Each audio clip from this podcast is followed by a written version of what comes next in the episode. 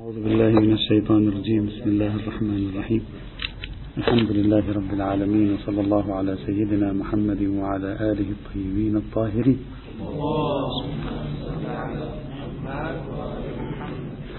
كنا نتكلم في الموضوع المتصل بضوابط المصلحة. تحدثنا عن الضابط الأول وهو وقوع المصلحة في سياق مقاصد الشريعة وغايات الدين. والضابط الثاني كان عبارة عن عدد مناقضة الكتاب والسنة فالمصلحة سواء كانت قاعدة في الاجتهاد الشرعي أو كانت قاعدة في السياسة الشرعية يجب أن لا تعارض الكتاب والسنة إلا على وفق قواعد الكتاب والسنة نفسيهما مثل قواعد مثلا التزاحم أو, أو أي قاعدة تثبت بالكتاب والسنة بنفسه لا بخارج الكتاب والسنة. الضابط الثالث وهو من الضوابط التي ذكرها الشيخ البوطي عدم تفويت مصلحة مصلحة أهم. عدم تفويت مصلحة أهم. الشيخ البوطي قال بأن من معايير المصلحة المعتمدة أن لا يلزم منها تفويت مصلحة أهم أو مساوية. هو هكذا عبر. قال حتى تكون المصلحة معتمدة ويمكن البناء عليها سواء في مجال الاجتهاد أو في مجال الإجراء والتطبيق يجب أن لا تصادم مصلحة أهم ولا مصلحة مساوية لها. هكذا عبر. ذكر مقدمة طويلة شرح مراتب الأهمية في الأحكام الشرعية مراتب المقاصد ضروريات حاجيات تحسينيات. وبين أنه كيف, أن هذه المجموعة تتقدم على هذه المجموعة وهذه المجموعة تتقدم على هذه المجموعة. مما سنتحدث عنه بالتفصيل إن شاء الله تعالى في قسم المقاصد. بعد أن شرح ذلك قال هذا الضابط الذي نذكره عدم تفويت مصلحة أهم دليله نفس أدلة قانون الأولوية التي تكلمنا عنها سابقا. بعضها ذكر بعضها بعض الشواهد من الروايات في بحث يعني ليس موسع وليس يعني كافيا حتى لكي يثبت أن أي مصلحة تريد الاعتماد عليها يجب أن لا تواجهها مصلحة أهم. هكذا تحدث ثم ختم في نهاية بحثه بأمثلة تتصل بقضايا التزاحم وقضايا الأولوية. بحثه طويل ككثير من الكتاب في العالم الإسلامي عندما يتناولون موضوعا أحيانا يتناولون في داخل الموضوع عشرة مواضيع لا علاقة لها بأصل الموضوع. هو يبحث ضوابط المصلحة. بإمكانه يتكلم باختصار عن أصل هذا الضابط. أما هو ذهب وتكلم في داخل ضوابط المصلحة عن نظرية التزاحم. وأفاض فيها وأفاض في الأمثلة بما يعني لا يهمنا هنا في بحث الضوابط يعني بشكل مركز. خلاصة الضابط الذي قال أي مصلحة يراد لها أن تكون أساسا لنا في الاجتهاد أو في الممارسة يجب أن لا تصادم مصلحة أهم أو مساوية. هذا خلاصة ادعاء الرجل فيما يتعلق بالضابط الثالث يجب أن نتوقف هنا قليلا عند بعض التعليقات. أولا لم أفهم لماذا الشيخ البوطي اعتبر أن من ضوابط العمل بمصلحة أن لا تؤدي إلى تفويت مصلحة المساوية. لم نفهم أي وجه أصولي أو فقهي أو استدلال على أنني لكي أعمل بمصلحة يجب في هذه المصلحة أن لا تؤدي إلى تفويت مصلحة مساوية. خل تؤدي إلى تفويت مصلحة مساوية؟ ما الضرر؟ كل الأمثلة التي ذكرها وكل البحث المستفيض الذي ذكره كان في المصلحة الأهم. لكنه في عنوان البحث وفي مطلع البحث قال المصلحة الأهم أو المساوية. فلنفرض أنني عملت بمصلحة وأدى ذلك إلى تفويت مصلحة مساوية لها. فأين المشكلة؟ لم أفوت شيئا. ما الدليل على أن حذف مصلحة مساوية؟ مع الإتيان بمصلحة مساوية لها حسب الفرض. ما الدليل على أن هذا من ضوابط المصلحة أصلا؟ نعم حذف مصلحة أهم. نعم قواعد التزاحم تمنع منه وهذا صحيح. أما حذف مصلحة مساوية قواعد التزاحم لا تمنع منه لأن بإمكانك أن تفعل هذا الفرد وبإمكانك أن تفعل الفرد الثاني. ولا موجب لأن نحصر يد المكلف في أن يقوم بمصلحة تمنع لا تؤدي إلى زوال مصلحة مساوية. خل تؤدي ما هو في النهاية راح يأتي بمصلحة مساوية. إذا هذا الوجه الذي ذكره لم يظهر له دليل على الإطلاق. هذا أولا. ثانيا نريد أن نتعمق قليلا في فكرة الشيخ البوطي في ضوء كل أبحاثنا التي مرت معنا في نظرية المصلحة. ماذا يقصد الشيخ البوطي عندما يتكلم عن المصلحة وعن ضوابط المصلحة في هذا الضابط؟ ماذا يقصد من المصلحة؟ يعني ما هو المقصود من أن المصلحة التي بإمكاني أن أعتمدها يجب أن لا تؤدي إلى تفويت مصلحة أهم. ألا نترك مساويا من ضوابطها أن لا تحذف مصلحة أهم. ما المقصود بالمصلحة هنا؟ يمكن أن نتكلم عن ثلاثة احتمالات أو ثلاثة مجالات لفرض المصلحة التي نتحدث عنها هنا. المجال الأول أن يقصد الشيخ البوطي من المصلحة تلك المصلحة الكامنة في الأفعال التي حكمت الشريعة بالنص بوجوبها. يعني عندما نقول يجب إذا أردت أن أحقق مصلحة أن لا يكون موجبا ذلك لفوات مصلحة أهم أقصد بالمصلحة الأهم وبالمصلحة الأقل أهمية تلك المصلحة الكامنة في الفعل وهذا الفعل دل الدليل من النص على وجوبه ودل الدليل من النص على وجوب الثاني الأهم أيضا. بعبارة أخرى المصلحة هنا هي الملاكات. الملاكات الكامنة خلف الأفعال المدلول على حكمها الشرعي في النصوص. إذا كان هذا مدعاه كلامه صحيح فإن هذا المدعى هو عين قواعد التزاحم هو نفسه. لأن قواعد التزاحم التي تكلمنا عنها سابقا هي عبارة عن قواعد التزاحم بين الأحكام. وحيث إن كل حكم خلفه مصلحة بناء على تبعية الأحكام للمصالح والمفاسد. حيث إن كل حكم خلفه مصلحة إذا فعندما تتزاحم الأحكام ونقدم الأهم على المهم ولا يصح لي الأخذ بالمهم وحذف الأهم. فهذا معناه أنه لا يصح لي الأخذ بمصلحة المهم المؤدية إلى تفويت مصلحة الأهم وهذا طبيعي. لم يأتي بشيء جديد هنا الشيخ البوطي غير نفس قواعد التزاحم التي نطبقها في باب الامتثال في باب امتثال الأحكام. إذن هذا احتمال الأول أن يكون مراده من المصلحة. المصلحة الكامل الأهم والمهم. الكامنة في الأفعال التي دل الدليل على حكمها الشرعي بالنص. وبالتالي يكون موضوع كلامه نفس قاعدة التزاحم بين الأحكام في مقام الامتثال. هذا أول وهذا صحيح. لا إشكال فيه.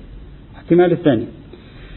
أن يقصد الشيخ البوطي من المصلحة التي يتكلم عن ضرورة أن لا تواجهها مصلحة أهم أن لا تؤدي إلى نفي مصلحة أهم أن يقصد المصلحة خارج إطار المنصوص عليه. وضمن إطار الاجتهاد يعني المصلحة المرسلة يعني مثل بحث المصلحة المرسلة. أن يقول أنت الآن ما عندك نصوص أنت الآن ما عندك نصوص رأيت فعلا رأيت أن فيه مصلحة. وأنت تؤمن بقاعدة المصالح المرسلة التي ناقشناها من قبل. فقلت حيث إن لي ظن أو علم بمصلحة فإنه يحصل لي ظن أو علم بحكم مترتب على هذه المصلحة. وأريد الآن أن أستنبط حكما. فأنا عمليا أريد أن ألتزم بهذه المصلحة التي هي مصلحة اجتهادية ولكن هذه المصلحة التي على أساسها أريد أن أستنتج حكما بقاعدة المصالح المرسلة تنافي مصلحة أهم ويؤدي الأخذ بها والعمل بها إلى نفي مصلحة أهم لعل هذا هو مراد الشيخ البوطي. يعني يريد أن يطبق هذه القاعدة في باب المصالح المرسلة في باب الاجتهاد فيما لا نص فيه. طيب. إذا كان كذلك هنا توجد حالتان. الحالة الأولى. هذه المصلحة المرسلة التي أريد أن أتوصل من خلالها إلى حكم. تنافيها مصلحة أهم وهذه المصلحة الأهم الموجودة في فعل آخر دل النص على وجوبها. دل النص على وجوبها. في مثل هذه الحال عندنا صورتين. الصورة الأولى أن يكون تزاحم هاتين المصلحتين دائميا يعني لا يتصور في مرة لا مرة أنا أعمل بهذه المصلحة وأنفي المصلحة الأهم ومرة أعمل بهذه المصلحة ولا أنفي المصلحة الأهم. لا دائما إذا عملت بهذه المصلحة سوف أنفي المصلحة الأهم. هذه الصورة الأولى. إذا كان الأمر كذلك لا معنى للقاعدة التي قالها. يعني القاعدة بديهية. لماذا بديهية؟ لأنها من باب السالب بانتفاء الموضوع. لماذا سالب بانتفاء الموضوع؟ لأن المفروض أن الحكم الشرعي دلني على وجوب الفعل الذي فيه المصلحة الأهم. وقاعدة المصالح المرسلة لا يمكن إجراؤها فيما فيه نص. والمفروض هنا أن عندي نص. نص يقول لي اعمل بهذه المصلحة الأهم. والمفروض أن المصلحة المهمة دائما تنافي المصلحة الأهم. فدلالة النص على الإلزام بالمصلحة الأهم بالدلالة الالتزامية نفي للمصلحة المهمة. لم تعد مصلحة مرسلة. صارت مصلحة ملغاة عرفا. وبالتالي صارت قاعدة المصلحة المرسلة هنا سالبة من انتفاء الموضوع. لا يوجد قاعدة مصلحة مرسلة. قاعدة المصلحة المرسلة موضوعها مصلحة لم يدل دليل على اعتبارها ولم يدل دليل على إلغائها. الآن عندما تقول لي بأن هذا المهم المصلحة المهمة التي هي مرسلة دائما تنافي المصلحة الأهم التي هي معتبرة عند الشارع إذا كان دائما فنفس اعتبار المصلحة الأهم عند الشارع نفي للمصلحة المهمة ونوع إلغاء لها عرفا. وبالتالي لا يمكن إجراء قاعدة المصالح المرسلة. نتيجة كلامه صحيح. تخريج كلامه لا بد أن يكون بهذه الطريقة. هذا لو كانت التنافي بين المصلحة المهمة والمصلحة الأهم دائميا. أما لو كان التنافي بين المصلحة المهمة والمصلحة الأهم ليس دائميا. في بعض الأحيان هنا النص يدلني على وجوب المصلحة الأهم. قاعدة المصالح المرسلة تدلني على وجوب المصلحة المهمة. الاثنين ثبتا بالدليل. تزاحما طبق قواعد التزاحم. لأن كلاهما صار حكم شرعي. أحدهما حكمه الشرعي ثبت بالنص ثانيهما حكمه الشرعي ثبت بقاعدة المصالح المرسلة. ولا يوجد تنافي أولي بينهما اتفاقا تنافيا تزاحما. في مقام الامتثال في بعض الموارد يطبق قواعد تزاحم بين الأحكام لأن المفروض صاروا حكمين. ولا إشكال في ذلك حينئذ. لأنه إذا كان لها دلالة إلتزامية كل باب التزاحم سيتحول إلى باب التعارض.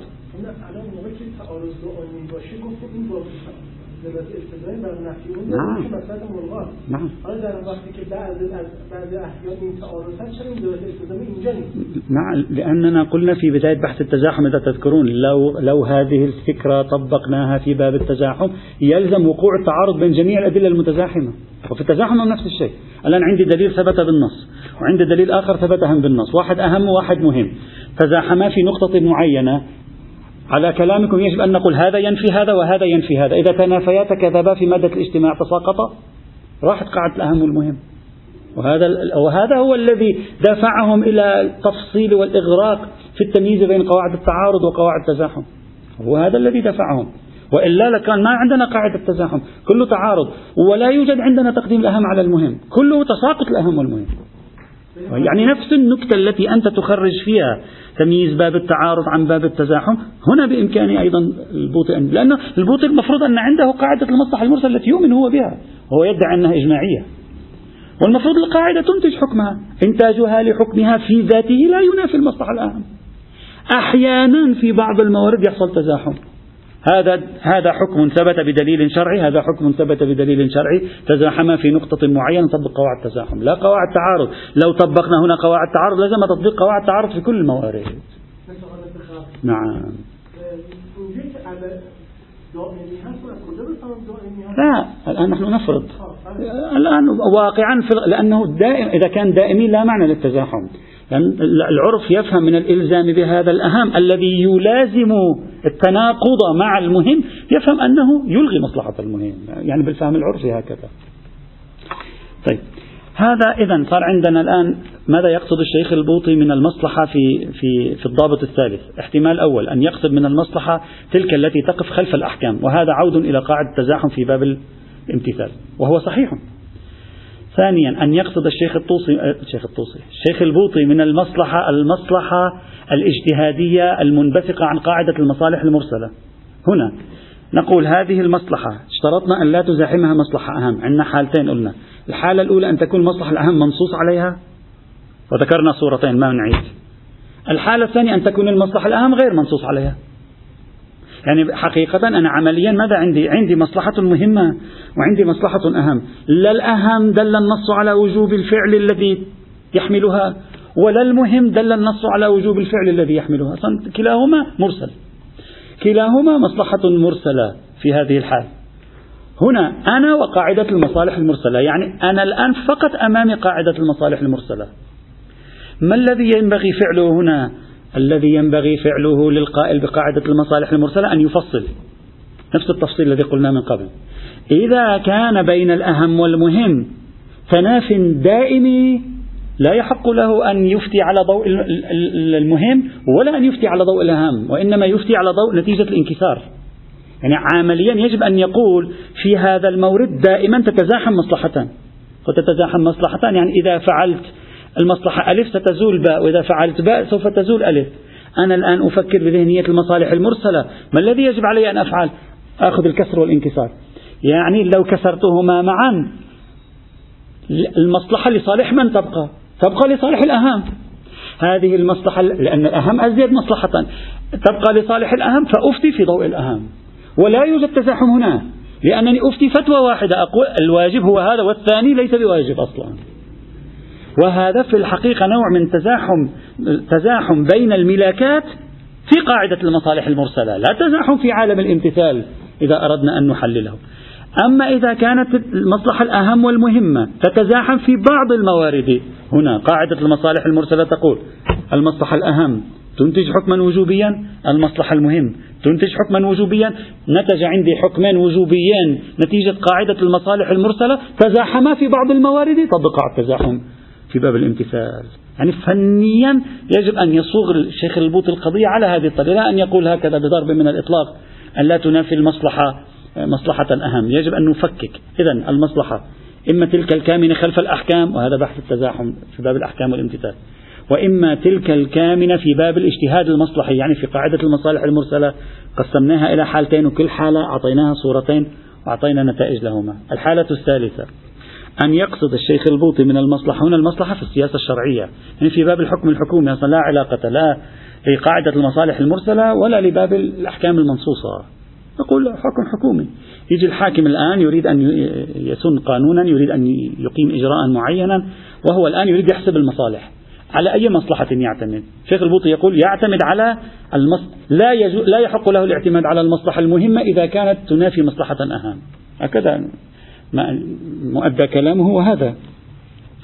هنا أيضا عندنا حالتين يمكن فرض حالتين. الحالة الأولى إذا قلنا هذه الحالتين مبنيتين على ما ذكرناهما قبل أسبوع.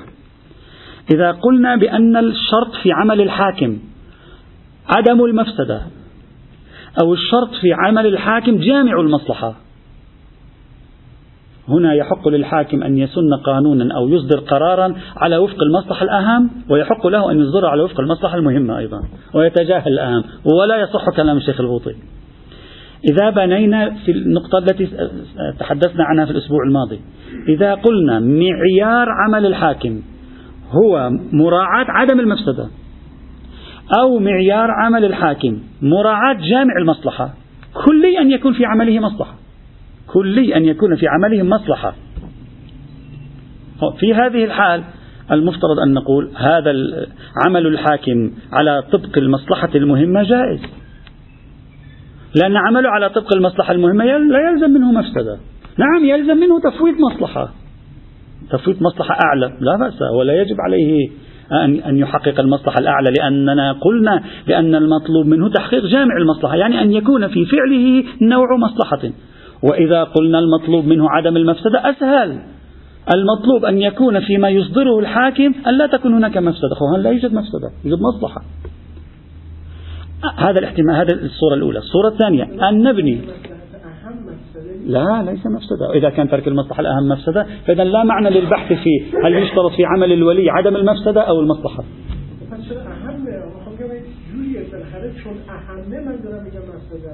لا ليس مفسدة تفويض مصلحة.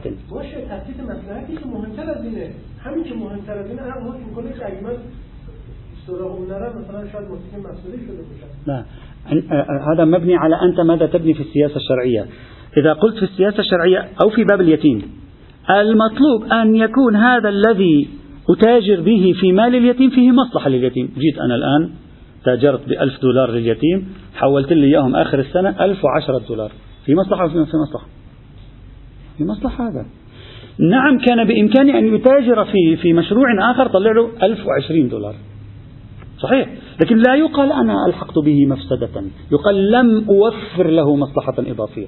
وإلا إذا لم أقل ذلك لا معنى للنزاع الأصلي بينهم في موضوع المصلحة وعدم المفسدة. لأن إذا قالوا عدم المفسدة فيلزم منه أن يأتي بالمصلحة. على على كلامكم هناك لم فصلوا في ذلك. بناء على هذا التفصيل نقول إذا بنينا على شرط عدم المفسدة أو جامع المصلحة يحق للحاكم العمل بالمصالح المهمة ولا يجب عليه العمل بالمصالح الأهم. لأنه عم يعمل على طبق القاعدة الشرعية ليس ليس في عمله أي إشكال. أما لو قلت بأن الحاكم ملزم شرعا والسياسة الشرعية عموما ملزمة شرعا بأن تراعي الأصلح ولو تأثرا بقوله تعالى ولا تقربوا مال اليتيم إلا بالتي هي أحسن. وقلنا بأن الأحسن دائما تذهب إلى الحد الأعلى. أحسن فهنا يجب على الحاكم أن يختار ما فيه المصلحة الأهم. ولا يجوز له أن يكتفي باختيار ما فيه المصلحة المهمة فبالتالي العمل على وفق المصلحة المهمة مشروط بأن لا ينافي مصلحة أهم. فيكون كلام الشيخ البوطي صحيحا على هذا المبنى الثاني. إذا حق المطلب إذا أراد الشيخ البوطي بدل الإطالة التي أطال بها أن يعالجه بالتفكيك الأصولي والفقهي أن يفصله في ثلاثة محاور. المصلحة الكامنة خلف أحكام منصوصة شرع حكمها شرعا. المصلحة في باب المصالح المرسلة. المصلحة في باب السياسة الشرعية. وقد رأينا أن الأمور تختلف وتتخلف تبعا للمباني في بعض الموارد على الأقل. إذا فكلامه صحيح في الجملة لكنه يحتاج إلى هذا التفصيل الذي ذكرناه الشرط الرابع أو الضابط الرابع.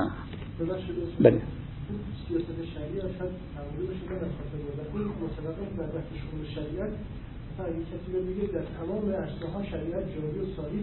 دیگه تفکیک این سیاست شرعیه از مثلا جاهایی که نفسی در موردش هست اینها معنا نداره دیگه درسته؟ نظر هذا إشكالنا عليهم شيخنا. نحن كان هذا إشكالنا عليهم. أنتم كيف تقولون بشمول الشريعة؟ ثم تعطون الحاكم مجال سن القوانين. هذا كان إشكالنا. أما هم بحسب مبانيهم اعتبروا أن هذا ليس إشكالا. وبالتالي يقولون نعم الشريعة شاملة. وأحد مظاهر شمولها أنها تفوض الحاكم أن يصن قوانين هم هكذا اعتبروا على مبناهم نتكلم. على مبناهم يقول لك نعم في حكم حكومي خارج كتاب القضاء وهذا الحكم الحكومي واسع يشمل الاجتماع السياسي أيضا وفي ضوئه يمكنه أن يصن قوانين والشريعة شاملة. هلا أنت الآن تقول لهم كيف؟ هذا إشكال عليهم. لكن هم بحسب مبانيهم يعتبرون أنه لا توجد أي إشكالية عندهم. هكذا. الضابط الرابع. من ضوابط المصلحة وهو ضابط إثباتي وليس ضابطا ثبوتيا. الضوابط الثلاثة السابقة كانت ضوابط ثبوتية. يعني نفس المصلحة في لوح الواقع يجب أن لا تكون منافية لأهم. نفس المصلحة في لوح الواقع يجب أن لا تكون منافية للكتاب والسنة.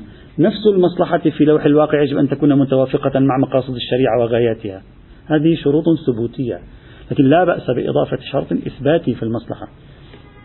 وأقصد من الشرط الإثباتي إثبات المصلحة يعني مقام انكشاف المصلحة لنا.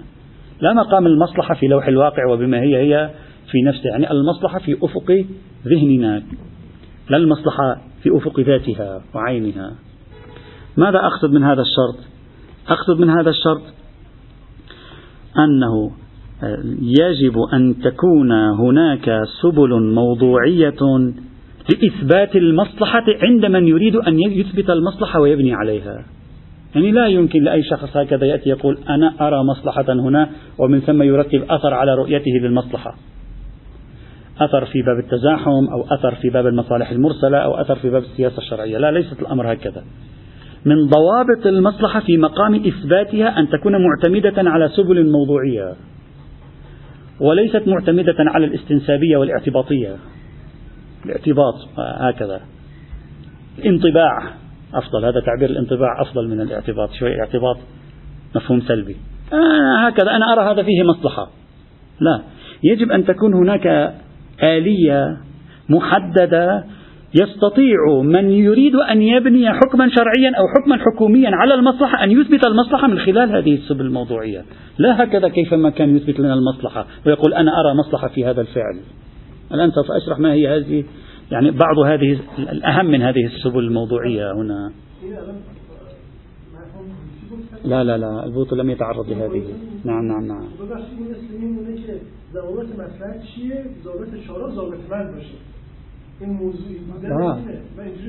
لا لا. لذلك أنا قلت هذا في مقام الإثبات.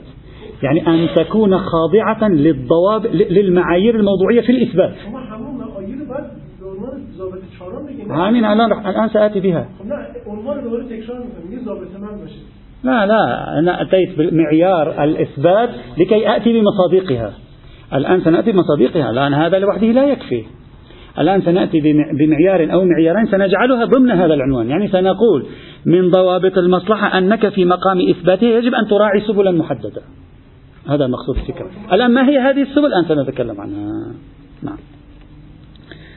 إذا المقصود من اعتماد السبل الموضوعية أي السبل المعتبرة مثلا شرعا وعقلا في اكتشاف المصلحة سواء المصلحة في باب الاجتهاد مصالح مرسلة أو المصلحة في باب السياسة الشرعية آه، حكم حكومي وما شابه ذلك. وهذه السبل هي عبارة عن طرق يفرضها العقل التجريبي البشري تارة ويفرضها النص الشرعي تارة أخرى. أنا فقط من باب المثال من باب الإشارة سأذكر اثنين. واثنين يعني يتحددان يحددان تحتهما أشياء كثيرة.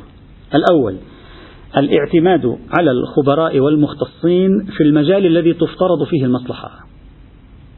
يعني أن يكون هناك اعتماد على الخبراء والمختصين في المجال الذي تفترض فيه. أنت الآن فقيه ومجتهد في باب المصالح المرسلة. أو أنت الآن حاكم شرعي تريد أن تحدد أمرا تصدر فيه حكما حكوميا. حتى تكتشف المصلحة يجب أن تعتمد على أشخاص إذا لأنه عادة أنت لست خبيرا في كل الم... كما سوف نشير بعد قليل. يجب أن تعتمد على خبراء ومختصين في هذا المجال لكي يثبتوا أنه توجد مصلحة في الخارج. لا أنه أنا رأيت مصلحة هكذا. حتى لو كنت أنت فقيه أنا رأيت لا تكفي. يجب أن يكون هناك سبيل محدد حيث إن هذه المصلحة خارجية ليست مسألة فقهية. يجب أن يكون هناك سبيل محدد وهي مراعاة الاعتماد على كل المعطيات أو على كل الخبراء الذين لهم صلة بإثبات أن هنا مصلحة أو ليس لها مصلحة في هذا المجال. وهذا طبعا رجوع إلى الخبرة. لا أحتاج أن أتي بدليل هنا. لا أحتاج أن أتي بدليل أن هذه قواعد الرجوع إلى الخبرة وبناء العقلاء وحكم العقل والأدلة الشرعية أيضا آه، في هذا الإطار. وهذا شرط بنيوي أساسي. حتى أقول هنا توجد مصلحة. حتى أنا أريد أن أطبق قاعدة المصالح المرسلة أقول هنا توجد مصلحة. يجب أن أعتمد على آه، من يمكنه أن يشخص أن هناك مصلحة. لأنني كفقيه لا يمكن أن أشخص دائما أن هناك مصلحة. لا أستطيع. حتى المصلحة الشرعية لا يمكن أن أشخصها لأن الموضوع تابع للواقع الخارجي. والفقيه بما هو فقيه لا يستطيع أن يشخص المصلحة بما هي واقع خارجي لا بما هي معطى إسلامي ديني. إذا لا بد أن يعتمد على العقول البشرية لكي تثبت له بأن هنا في هذا المورد مصلحة أو تثبت له بأن في هذا المورد مثلا مفسدة الحصول على يقين بالمصلحة أو الحصول على ظن قوي بالمصلحة لا قيمة له موضوعيا. إذا لم يكن قائما على سبل منطقية في حد نفسها قابلة للإثبات بصرف النظر عن إلزامية الشورى وعدم إلزامية الشورى لا, لا أريد أن أدخل في هذا الموضوع. طيب. دعوني أضيف أمرا آخر أيضا وهو الحاكم. ربما لا يثبت دليل أن المشاورات أو الشورى ملزمة له للحاكم للحاكمة قد لا يثبت عندي دليل أن الحاكم ملزم بنتائج الاستشارات ونتائج المشاورات. لكن الفقيه وضعه مختلف تماما. أنا أريد أن أميز بين الحاكم في باب المصلحة والفقيه في باب المصالح خاصة المصالح المرسلة. لماذا؟ لأن تشخيص الفقيه للمصلحة. الآن انتبه معي جيدا. تشخيص الفقيه للمصلحة التي يريد أن يقول على أساسها أفتي. تشخيص الفقيه للمصلحة ليس من حيث هو فقيه. صحيح أو لا؟ لأن الفقاهة لا تشخص المصالح الخارجية. لو كنت أكبر علامة زمانك في المكاسب لا تستطيع تشخيص المصالح الخارجية. لوحده لا يكفي. الاجتهاد يعطيك جزءا من التشخيص. ما هو الجزء من التشخيص؟ ما معنى المصلحة شرعا؟ ما هي معايير المصلحة شرعا؟ ماذا يريد الإسلام من المصلحة؟ كيف يعرف الإسلام المصلحة للناس؟ نعم هذا أنت متخصص به. تستطيع أن تقول المصلحة في الإسلام واحد اثنين ثلاثة. المصلحة معيار المصلحة في الإسلام في باب الأسرة ألف باء جيم دال. معيار المصلحة في الإسلام في باب مثلا العبادات هو ألف باء جيم دال إلى آخره. هذا هذا بيدك. أما كون هذه المصلحة الشرعية بكليتها التي استنبطتها أنت من النصوص الشرعية موجودة في هذا الفعل الخارجي الذي لا نص فيه هذا ليس عمل الفقيه بما هو فقيه. هذا تنزيل عنوان كلي على مصداق خارجي وليس عمل الفقيه بما هو فقيه. وبالتالي الفقيه في باب الاجتهاد المصلحي الاجتهاد المصلحي اترك الحاكم. في باب الاجتهاد المصلحي يعاني من مشكلة ما هي؟ كيف يلزم المقلدين؟ بأي وجه يلزم الآن أنت فقيه وتؤمن بالمصالح المرسلة. فقيه السني الذي يؤمن بالمصالح المرسلة على سبيل المثال. هو شخص في الخارج أن هنا مصلحة. وبنى على تشخيصه حكما شرعيا. وأفتى لمقلديه بالحكم الشرعي. لا يحق له أن يقول حكم شرعي منجز. لأن حكمه الشرعي بني على عمادتين. الأولى من تخصصه وهو مجتهد فيها مفهوم المصلحة الشرعية. والثانية ليست من تخصصه. وهو أن المصلحة الشرعية منطبقة في الخارج. طيب حصل له يقين أن هذه المصلحة الشرعية منطبقة هنا. وهذا اليقين حجة عليه هو. كيف يستطيع أن يلزم المقلدين بيقينه ولو كان يقينا موضوعيا بيقينه بأن هذا الفعل فيه مصلحة؟ وعلى أساسه أنا أستعين بقاعدة المصالح المرسلة لأفتي لكم بالوجوب. بأي وجه يلزم المقلدين؟ ما هو المفروض لا يوجد نص. وهذه مشكلة عويصة تواجه الإفتاءات السنية في خ... في فيما لا نص فيه طبعا غير القياس. اترك القياس على حدة له كلام آخر. فيما لا نص فيه هذه مشكلة تواجههم. وليست تواجههم فقط أيضا تواجه كل فقيه يلقي الفتوى بصيغة منجزة رغم أن الفتوى مكونة من عنصرين. عنصر اجتهادي وهو الذي يمكنه أن يلزم به المقلدين. وعنصر خارج إطار الاجتهاد. قد يختلف هو فيه مع المقلدين. بل قد يختلف هو فيه مع الخبراء. وبالتالي لا وجه حينئذ في باب المصالح في باب الاجتهاد المصلحي إصدار فتاوى تنجيزية. نعم في باب حكم الحاكم بحث آخر. هذا خليه بحث آخر. لأنه في بحث في أن الشورى ملزمة غير ملزمة الحاكم إذا اقتنع هو يصبح حجة على مقلديه حتى لو لم يقتنعوا بتشخيص موضوعه هذا بحث آخر في الحكم الحاكم. لكن في باب الاجتهاد المصلحي ماذا يفعل الفقيه السني. حقيقة مشكلة. هو يشخص يجي الشيخ القرضاوي مثلا كواحد من كبار فقهاء السنة اليوم في العالم يشخص مصلحة معينة في موضوع معين لا نص فيه ثم يقول أنا أستعين بقاعدة المصالح المرسلة ثم على أساس ذلك يصدر فتوى لجمهور المسلمين يلتزمون بالفتوى. مقلدو يلتزمون بالفتوى. مع أنه من الناحية الدقيقة حجية قوله عليهم فقط في الجانب النظري للفتوى. أما في الجانب التطبيقي ليس حجة عنه فلو جاء شخص وقال أنا خبير اقتصادي فتواك متعلقة بالشؤون الاقتصادية أنت شخصت مصلحة في هذا السلوك الاقتصادي وبناء عليه أفتيت بفتوى. أنا خبير اقتصادي لا أرى مصلحة بل أنا أرى فساد. فتوى الشيخ القرضاوي لن تكون حجة عليه إطلاقا. يعني حتى وفق معايير حجية الفتوى. وهذه مشكلة سيواجهها الاجتهاد المصلحي السني في باب المصالح المرسلة وأمثالها بل حتى في باب سد الذرائع قد تختلف أنت مع الفقيه تقول له هذا المورد لا يؤدي إلى ذاك أنت ترى يؤدي. أنا لا أراه يؤدي. ما دام لا يوجد نص بأي وجه يكون قولك حجة علي؟ الجزء النظري حجة قولك علي وهو الجزء الكلي. الجزء المصداقي العملي ليس قولك حجة علي. وبالتالي هذه مشكلة عويصة تواجهها كل الإفتاءات السنية في باب ما لا نص فيه من نوع المصالح المرسلة سد الذرائع إلى آخره. وبالتالي حجية هذه الفتاوى تصبح حينئذ محل تأمل شديد. وحله إما استخدام فكرة الحكم الحكومي إذا كان موردها يعني جاريا أو إصدار الفتاوى المعلقة التي يعني قليلا ما تستخدم. يقول إذا ثبت لديك أن هذا فيه مصلحة كذا وكذا. إذا ما ثبت لديك ليس واجبا. لا لا لا تحل مشكلة. لأن هذه المشكلة تحل في قول الفقيه مثلا أعطيك مثال. الآن التدخين. فقيه عنده لجنة مختصة عشرة ألاف شخص من جميع أنحاء العالم. على جميع طلعوا معهم أن هذا آه، مضر. وعلى أساس مفهوم الضرر قال أنا أفتي بالضرر. شخص آخر طبيب متخصص في العلوم الكيميائية في العلوم الطبية في العلوم الصحية. طلع مع أن هذا التشخيص غير دقيق. فرضنا طلع هذا التشخيص غير دقيق. ما الوجه في إلزام أن يكون ملزما بفتوى الفقيه؟ لا يوجد وجه منطقي. وهذه قضية شا... تكلمنا عدة مرات عن هذه القضية. وهذه قضية حتى شائعة في الفقه الإمامي الفقيه يتدخل في المصداق ويفتي. يقول وورق الشاي والشاي يجوز السجود عليه. شوف في آية في, في الشاي؟ الشاي الشاي ورق الشاي. الموجود في الرسالة العملية. يحدد لك الفقيه أي نوع من الأشياء يصح السجود عليها أو لا. ويقول لك ورق الشاي قشر الليمون قشر الكذا. في النص لا يوجد لا قشر الليمون ولا قشر. في كلمة الكتان وفي كلمة الكذا موجود. وفي كلمة ما لا يؤكل ولا يلبس. أما هو شخص أن ورق الشاي مثلا مما يؤكل مثلا هو شخص قال هذا حرام. هو هو عليه أن يقول ورق الشاي. يصح السجود عليه. إذا كان كذا ولا يصح إذا كان. أنت أيها المكلف اذهب ويقول إذا شككت فالحكم كمن كذا. وهكذا القاعدة. وهذه القاعدة تؤدي إلى أن تصبح الرسالة العملية جزء منها. لابد أن يحذف من الرسالة العملية أو يتحول إلى صيغة معلقة. وأمرها موكول إلى المكلفين. نعم في بعض الموارد التي إذا أحلتها للمكلفين يلزم الهرج والمرج الاجتماعي كما في القضايا المتعلقة مثلا بالحرب والسلم. لا يستطيع حينئذ أن يقول إذا كانت الحرب مع مثلا كيان الصهيوني الغاصب فيها مصلحة فكذا وإذا لم هذا يؤدي إلى فوضى. نعم هنا يتدخل من باب الحكم الحكومي لا بأس. هذا ما في مشكلة. في القضايا التي يلزم منها شيء. أما في القضايا التي إحالتها للأفراد ليس فيها مشكلة لا وجه للإلزام بالفتوى حينئذ.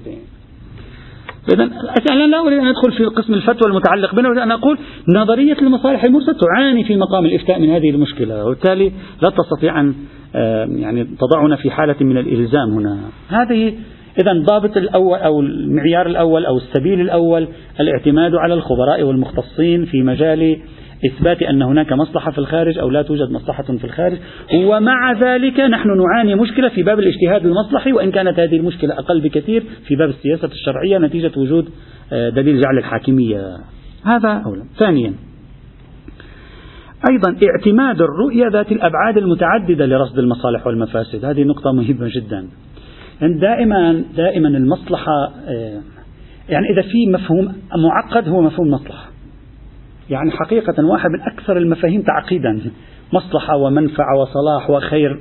مفاهيم معقدة جدا يختلف نظر الناس إليها تبعا لاختلاف زاويتهم. مثلا أقول لك هذا الفعل فيه مصلحة أنت تنظر من زاوية تقول نعم فيه مصلحة. شخص آخر ينظر من زاوية ثانية يقول فيه مفسدة. شخص ثالث ينظر من زاوية ثالثة يقول فيه مصلحة وهكذا مثلا. وبالتالي لا تستطيع سواء كنت فقيها أم حاكما لا تستطيع أن تستبد بتشخيص المصلحة. وأيضا لا تستطيع أن تكون حلقة المشاورات حلقة محدودة. حتى لو كنت فقيها عندك مجمع تشخيص فقهي أو كنت حاكما عندك مجمع تشخيص حكومي. يجب أن يكون مجمع التشخيص الفقهي ومجمع التشخيص الحكومي. مجمع التشخيص الفقهي الذي يصدر فتاوى على أساس الاجتهاد المصلحي كما في المصالح المرسلة. أو مجمع تشخيص حكومي الذي يصدر أحكاما حكومية على أساس مصالح السياسة الشرعية. يجب أن يكون سلسلة من الأشخاص متنوعي النظر ما معنى متنوعي النظر يعني ينظرون إلى الفعل من زوايا متعددة لا من زاوية واحدة. الآن أنا أعطيكم يعني مثالا. نحن مثلا إذا أجى فقيه الآن أراد أن يستشير يستشير. مثلا في موضوع معين يتصل بالطبيب يقول له هذا مثلا مضر. يسأل الفضلاء المحيطين به يستشير كبار الفضلاء في الحوزة. يقولون مثلا له نحن تشخيصنا. هذا لا يكفي. بل لا معنى له. مش بس لا يكفي. لماذا لا معنى له؟ لأن الحديث عن فعل معين هل هو مضر أو ليس مضر؟ لا يكفي لأن تحكم. لأن أن أتكلم مضر لكن أريد بحث المصلحة. لأن ممكن شيء من جهة يكون فيه مفسدة من جهة ثانية تكون فيه مصالح. أنا أذكر سيد الهاشمي رحمة الله تعالى عليه في مجلس وكان أحد الأشخاص يقول له أن التدخين يعني مضر فقال هو أننا في مجلس صيانة الدستور جاءوا لنا بجميع التقارير التي وصلتنا تؤكد أن التدخين مضر. قال جميعها ولا يوجد نقاش في هذا الموضوع. فأحدهم أجرى مداخلة فقال سيدنا لماذا لا إذا لم تقولوا هو ممنوع؟ فقال لمصالح اقتصادية. ما معنى هذا الكلام؟ أنا بصرف النظر أنت توافق على أن المصالح الاقتصادية مقدمة عليها أو لا مقدمة؟ ما معنى؟ معنى أن الشيء له وجهان. ليست الأشياء على وجه واحد. حتى تقول أنا أنظر من زاوية صحية ولا أنظر من زاوية اقتصادية أو أنظر من زاوية اقتصادية ولا أنظر من زاوية. بل أحيانا قد تكون له زاوية تربوية. وبالتالي أنت هذا المجلس الذي تريد أن تنشئه لكي يكون مشاورا للفقيه في إصدار الفتاوى على قانون المصالح المرسلة يجب أن يكون ينظر جميع أفراده إلى الفعل من زاوية طبية من زاوية صحية من زاوية اجتماعية من زاوية تربوية حتى تستطيع أن تكون موضوعيا في إثبات المصلحة. لا يكفي زاوية واحدة أو زاويتين أو ثلاث زوايا. وعادة خاصة بالنسبة إلى الفتوى في باب المصالح المرسلة عادة تكون الزاوية منقوصة. ولا بأس أن أشير في يعني أختم هذا الكلام بقصة مع السيد الشهيد الصدر. غدا سنكمل هذا الموضوع. قصة مع السيد الشهيد الصدر حقيقة مؤثرة. أحدهم أرسل للسيد الشهيد الصدر رسالة شفوية وقال له لأنك أفتيت بطهارة المحكومين بالكفر من من فرق المسلمين مثل النواصب الخوارج كذا. سيد سيد أفتى بطهارتهم. وكانت هذه سابقة يعني قليل من أفتى بالطهارة على ما هو المعروف أنا ما مسوي بحث تاريخي الآن. فقال هذا يؤدي إلى اشمئزاز يعني الفضاء الديني الفضاء الإيماني. أنه أنت الآن تفتي بطهارة الخوارج تفتي بطهارة النواصب تفتي يعني هذا شوي صعب يعني يحدث حالة من الانكماش بحسب تعبير السيد الشهيد. الانكماش عنك. ينكمش الناس عنك. فكتب له السيد الشهيد رسالة رائعة. رائعة. أنا أعتبرها رائعة. يوضح له لماذا أصدر فتوى من هذا القبيل. سأقرأ فقط بعض مقاطع الرسالة أختم بها اليوم. لا بأس. هم تربوية مفيدة هم إيمانيا مفيدة هم توعويا مفيدة. لا بأس. سيد الشهيد في أنا فقط بعض المقاطع رسالة طويلة أذكر بعض المقاطع. قال له بمناسبة رسالة كتبت لك هذه السطور بمناسبة رسالة شفوية أو شفهية وصلتني من سماحتكم بتوسط الفاضل الألمعي الشيخ عبد الله الخنيزي حفظه الله تعالى. ذاك شخص اسمه كمال مرتضوي السيد كمال مرتضوي. يرسل له السيد شهيد رسالة خطية لأن ذاك أرسل له رسالة شفوية. فقد ذكر لي شيخ الخنيزي أنكم كلفتموه بتبليغ ملاحظاتكم حول الفتوى بطهارة المنتحلين للإسلام ممن يحكم بكفرهم شرعا. وطلبكم مني الاحتياط في ذلك لأنه سووا احتياط وجوبي. سووا احتياط وجوبي. أفضل. بعض يعني تعرف ربما يسوي مشكلة. وكان بودنا أن تكتبوا إلي بذلك. يعني ريتك كتبت لماذا شفوي؟ اكتب لي. فإني أتلقى كل ما تتفضلون به بكل اعتزاز وتقدير. أنا أحترم انتقاداتكم وملاحظاتكم. هو دائما الذي يحترم الملاحظات والانتقادات مسكين يذهب. هكذا. وعلى أي حال أنا عندي نظرية اسمها النظرية الإسفنجية. في مجتمعاتنا الإسلامية نحن مثل الإسفنج إذا تضع قدمك عليها تتواضع. إذا ترفع قدمك تريد تحترمها تسوي مغرورة تصير مغرورة أمامك الإسفنجة. إذا تحترم إذا تتواضع بعد الطرف الآخر لا يفهم لأن التواضع ما يصرف في في مجتمعاتنا. لا ربما في المجتمعات الأخرى هم نفس الشيء نتكلم عن مجتمعاتنا الآن. لا يصرف التواضع. يتحول إلى حالة مذلة عليك.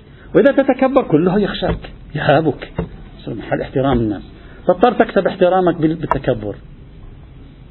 والله هذا معيب في مجتمع المؤمنين حقيقة يعني بالقلب يعني معيب واحد أنه يكون بالتواضع لا يكسب الاحترام. بالتكبر يكسب الاحترام غصبا عنهم ولا يستطيعون أن يتفوهوا بكلمة. وحتى في قلوبهم أحيانا يصبحون يحترمونه وليس فقط في ألسنتهم وظاهرهم حتى في قلوبهم يحدث نوع من الضغط عليهم في نفوسهم. نعم. قال فإني أثمن ملاحظاتكم الشريفة ويقول كلام عاطفي جميل لا أنقله الآن.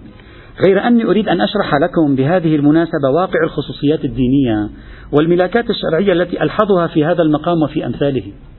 فإني أعرف أن مجرد تمامية الميزان العلمي والدليل الفقهي على حكم لا يستلزم التصريح به. هذه ثابتة في الحوزة أنه إذا أنت توصلت إلى نتيجة حتى لو صرت مرجع لا يجب عليك أن تفتي. بإمكانك تحتاط وجوبا. وأعرف أنه في حالة قيام الدليل الشرعي على فتوى مخالفة لما هو المعهود في أذهان المتشرعة يمكن للفقيه أن لا يبرز تلك الفتوى.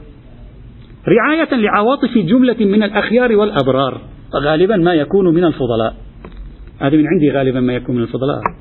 واجتنابا لما قد يصيبه من تأثرهم وانكماشهم منه. ينكمشون يخسر شيئا من مكانته. أنا أعرف ذلك ولكن في مقابل ذلك قد توجد حجيهات وحيثيات لا بد من أخذها بعين الاعتبار. إذ تنعكس علي شوف الآن هو الآن يرى مصالح في داخل المجتمع الحوزوي. ويرى مصالح في خارج المجتمع الحوزوي. أنا نشوف الفعل الواحد في مكان ينعكس عليك بشيء في مكان آخر ينعكس بشيء آخر. إذ تنعكس علي أوضاع الشيعة في مختلف أنحاء العالم. ومدى ما يمكن أن يكون لفتوى معينة من أثر في رفع الحرج عن جملة منهم في جملة من البقاع في الدنيا أو من أثر في تأليف قلوب من حولهم أو رفع الأذى عنهم. فعلى سبيل المثال أنا أعرف كثيرا يا عزيزنا المعظم عن أوضاع الشيعة في عمان ومسقط. سلطنة عمان. فيها إباضية وجماعتنا يعتبرون أن الإباضية خوارج. وهم يعيشون في كنف الخوارج. يعني الشيعة في عمان يعيشون في كنف الخوارج. الآن إذا هذه هذا النص تعطيه للإباضية في عمان لا يعجبهم لأن يقولون نحن لسنا خوارج. وفي ظلهم ويقاسون من البناء على نجاسة هؤلاء الشدائد في حياتهم العملية والإحراجات المستمرة. بل يواجهون في كثير من الأحيان ردود الفعل وعكس العمل من قبل الآخرين. فإذا تم لدى الفقيه الميزان الشرعي للفتوى بالطهارة أليس يدعوه وضع أمثال هؤلاء إلى التصريح بذلك رفعا للحرج عنهم وحفظا على وحفاظا على كراماتهم؟ كرامتهم. وهكذا الأمر في جملة من المواقع الأخرى وكذلك الحال في الغلاة الذين يمكن تقريبهم نحو التشيع الحقيقي ويكون للتعامل معهم على أساس الطهارة أثر في هذا التقريب. والدليل ثبت على طهارته. أفليس في هذا الأثر يدعو الفقيه إلى إيثار الإعلان عما تم عليه الدليل في نظره بينه وبين الله تعالى. وأتذكر أن شخصا من أجلة علماء تبريز يذكر قصة أيضا مؤثرة. شخص من أجلة علماء تبريز. ومن المحبين والمخلصين لنا. قد قد كتب لنا بعد صدور تعليقتنا على منهاج الصالحين يطلب السكوت عن فتوى طهارة أهل الكتاب. لا تفتي بطهارة أهل الكتاب. وتبذيل ذلك وتبديل ذلك بالإحتياط. وذكر دامت بركاته أن جملة من الأخيار في تبريز تعودوا على استخباث أهل الكتاب ونجاستهم فهم ينقبضون عمن يقول بالطهارة. هذا واقع. لا أعتقد بوجود مرجع لا يعاني من هذه المشكلة. لا. لكن كل مرجع يقيم المصلحة على طريقته كل واحد له تشخيصه سيد صدر له هذا التشخيص. وقد كتبت إليه دامت بركاته أني أعلم بذلك ولكني ألاحظ في نفس الوقت أنا ألاحظ انقباض الإخوة في تبريز لكن ألاحظ في نفس الوقت الآلاف ممن يهاجر إلى بلاد أهل الكتاب ويقعون في محنة من ناحية القول بالنجاسة. حتى حدثني الثقات لاحظ هذا أن جملة من المتدينين الذين هاجروا إلى هناك تركوا الصلاة وخرجوا تدريجا من التدين رأسا لأنهم يرون النجاسة محدقة بهم فيرفعون يدهم عن أصل الفريضة. لك أن كل يوم أنا أريد أن أتطهر أعاني أترك الصلاة وخلصنا. نعم. فلو أوقفني المولى القدير سبحانه وتعالى للحساب بين يديه وقال لي كيف سببت بعدم إبرازك للفتوى التي تراها لانحراف هؤلاء وإحراج الكثير من الناس واستدراجهم إلى المعصية؟ فماذا سوف أقول؟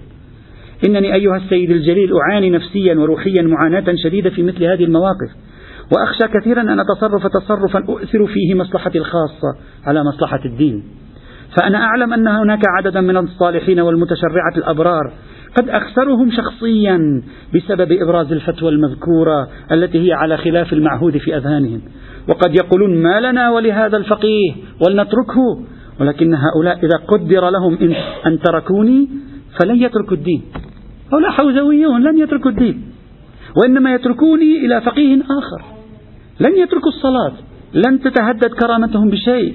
إذا فلن يخسرهم الدين. وإنما أخسرهم أنا شخصيا. إذا لا لن يوجد من يشرح لهم واقع الحال ويرفع ما في نفوسهم. أما أولئك الذين يقعون في ضائقة من القول بالنجاسة ويصيبهم الضعف الديني تجاه ذلك فيتحللون تدريجيا من واجباتهم.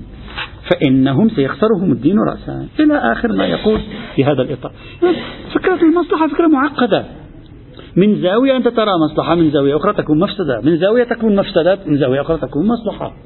وبالتالي لا تستطيع أن تقول أنا أشخص المصلحة لأنني فقط أنظر من زاويتي. القضية معقدة فيجب أن تأتي بأشخاص من زوايا متعددة لكي ينظروا إلى ليس فقط من اختصاصات متعددة بل حتى من زوايا متعددة لينظر القضية حتى يتم تشخيص المصلحة حينئذ بهذه الطريقة.